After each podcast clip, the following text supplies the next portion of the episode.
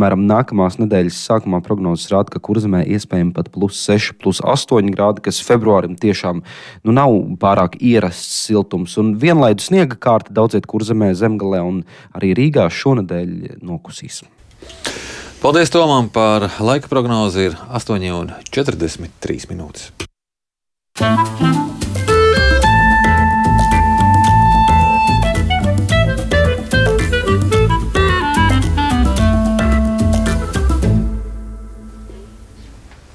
Un 8,43 minūtēs varam atkal runāt par kino. Kristīna Simpsona šorīt klāt, lai stāstītu gan par šaušalīgi biedējošiem brīžiem pašmāju seriālā. Tas ir spriedzes gabals. Būs runa arī par sauli. Tieši tā, sāksim ar sauli, ar patīkamāko. Un, uh, pirmā filma, ko šorīt apskatīsim, ir atmiņu drāma pēc saules, kas ir uh, skotu režisors Šarlots Velsas pati, pati pirmā uzņemtā filmas filma. Un kopš pirmizrādes pagājušajā maijā Kanu kino festivālam paralēli norisošajā kritiķu nedēļas sadaļā šis darbs ir kļuvis par savu veidu sensāciju, jo nepilnu gadu laikā jau līdztekus citiem uh, seansiem festivālos ir, uh, film, ir izvirzīta uh, aptuveni 120 dažādām balvu nominācijām. Uh, jāsaka, es pati nedaudz apskaužu tos, kam vēl šis kino piedzīvojums ir priekšā. Un, uh, turpinot uh, par uh, atzinībām, jāsaka arī, ka viena no nesenākajām ir uh, jaunā aktiera Paula Meskāla nominācija Oskaram par darbu šajā filmā. Uh, filma ir veidota kā jaunas sievietes atmiņu stāsts par attiecībām ar aizgājušo tēvu.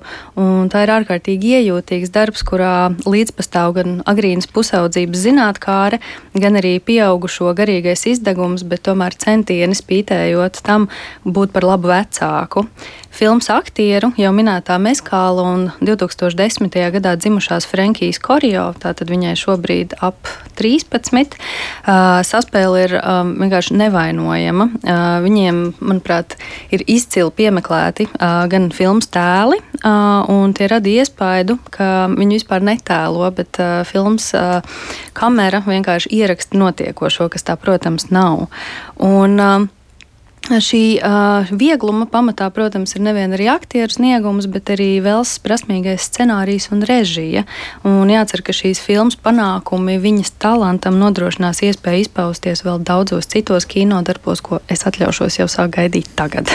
nu, mēs ar Lauru vēl gaidām šo pēc saules iepazīšanos, neesam redzējuši. Tagad pavērtīsim arī, ko piedāvā vietējās traumas platformas. TET, piemēram, ir skatāmas jau trīs no paredzams astoņām detektīvu seriāla nelūgtie viesi sērijām. Tātad tas ir gana daudz, lai mēs varētu spriest par seriāla formu un kvalitāti. Seriāla režisējs Vlads Kovaļovs, viņš arī seriāla bezvēsts pazudušās veidotājs. Jāsaka, nelūgtie viesi turpina vairākus iepriekšējā seriāla motīvus - svešinieku izmeklētāju ierašanos mazpilsētā noslēpumainu notikumu, šajā gadījumā slepkavības šķetināšanu. Kovaļovs bagātīgi un uzkrītoši smeļ iedvesmu ne tikai no sava iepriekšējā darba, bet arī kino vēstures kopumā. Un brīžam Ticiet man, tas ir ļoti uzkrītoši.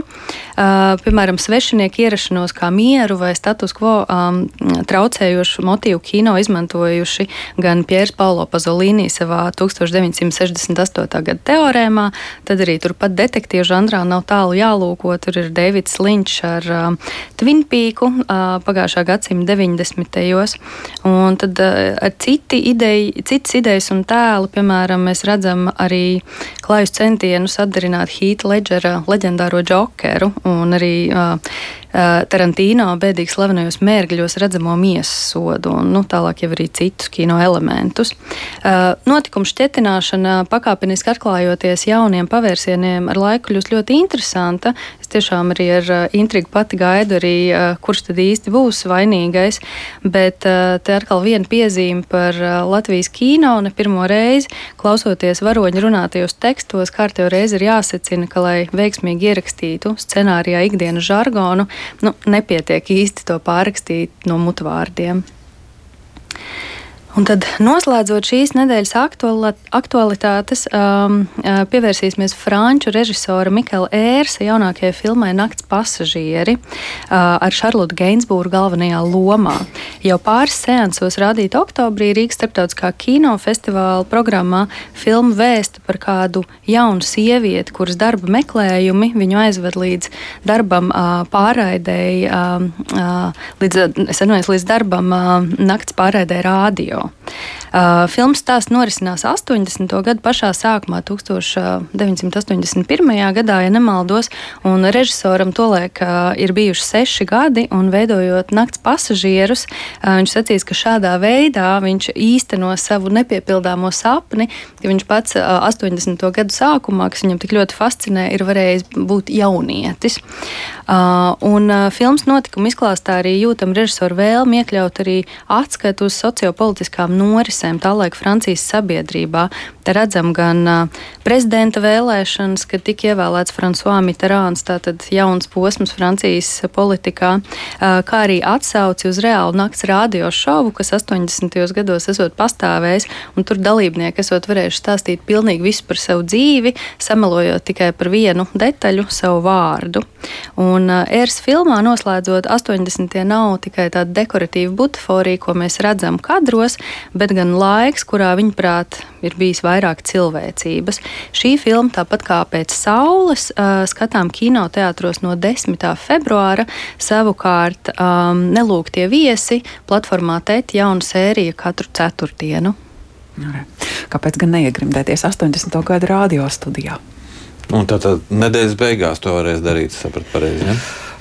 Jā, piekdiena tieši tā, mainoties repertuāram. Jā, bet uh, šobrīd ir 8,50 minūtes, un vēl mums jāstāsta par jaunu izstādi. Jā, par jaunu pavasari. Sāksim ar citātu. Viņas gleznas lieka vienoties priekā par vērtīgo, kas mums ir visapkārt. Tā par gleznotājas Gitas Šmitas personāla izstādi Jauns pavasaris saka mākslas zinātniece Aiga Dzalbe. Un šī izstāde gan jau no šodienas ir skatāma galerijā